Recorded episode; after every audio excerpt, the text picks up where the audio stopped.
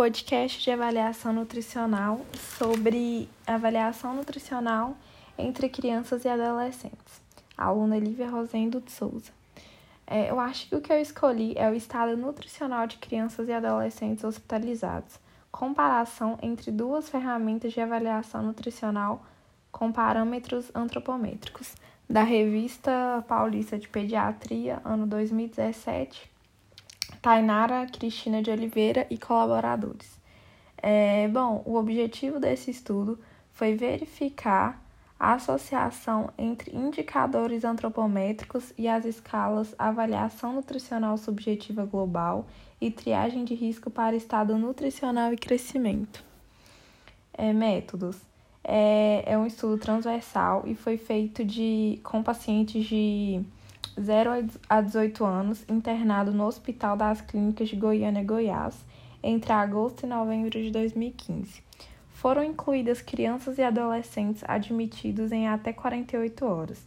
Excluíram-se pacientes que requeriam instrumentos específicos para avaliar o estado nutricional e os internados em terapia intensiva.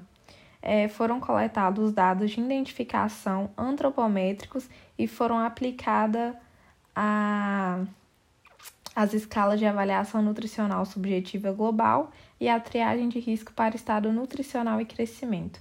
Feito essa análise de comparação de proporção e avaliação de concordância sendo significante.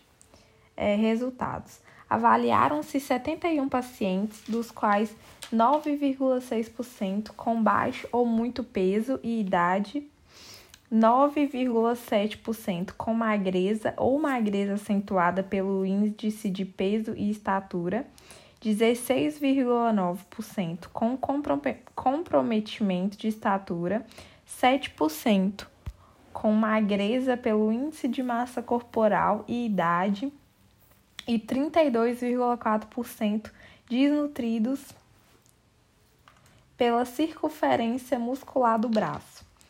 A triagem de risco para o estado nutricional e crescimento detectou é, 69% da amostra com risco de nutricional moderado ou alto.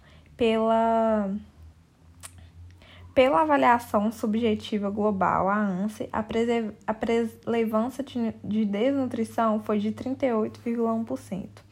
E a, isso. E a circunferência, perdão, e a circunferência muscular do braço, não houve associação entre a Strong Kids e os indicadores antropométricos. As ferramentas se associaram para risco nutricional elevado versus a desnutrição grave e baixo risco nutricional, também bem nutridos. Porém, a concordância foi fraca. Outras possíveis limitações desse estudo é sobre, primeiro, alguns pacientes recebem alta no hospital antes de 48 horas de internação, não havendo tempo hábil para aplicação do questionário.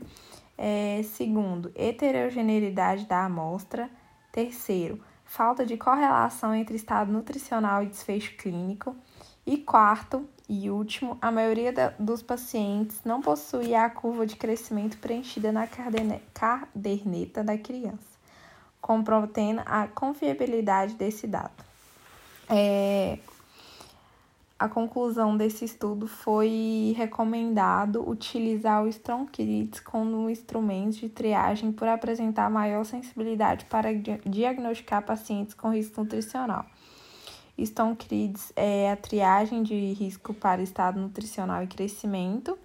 E também concluímos que a a escala de avaliação nutricional subjetiva global deve ser aplicada para avaliação nutricional devido à associação com antropometria.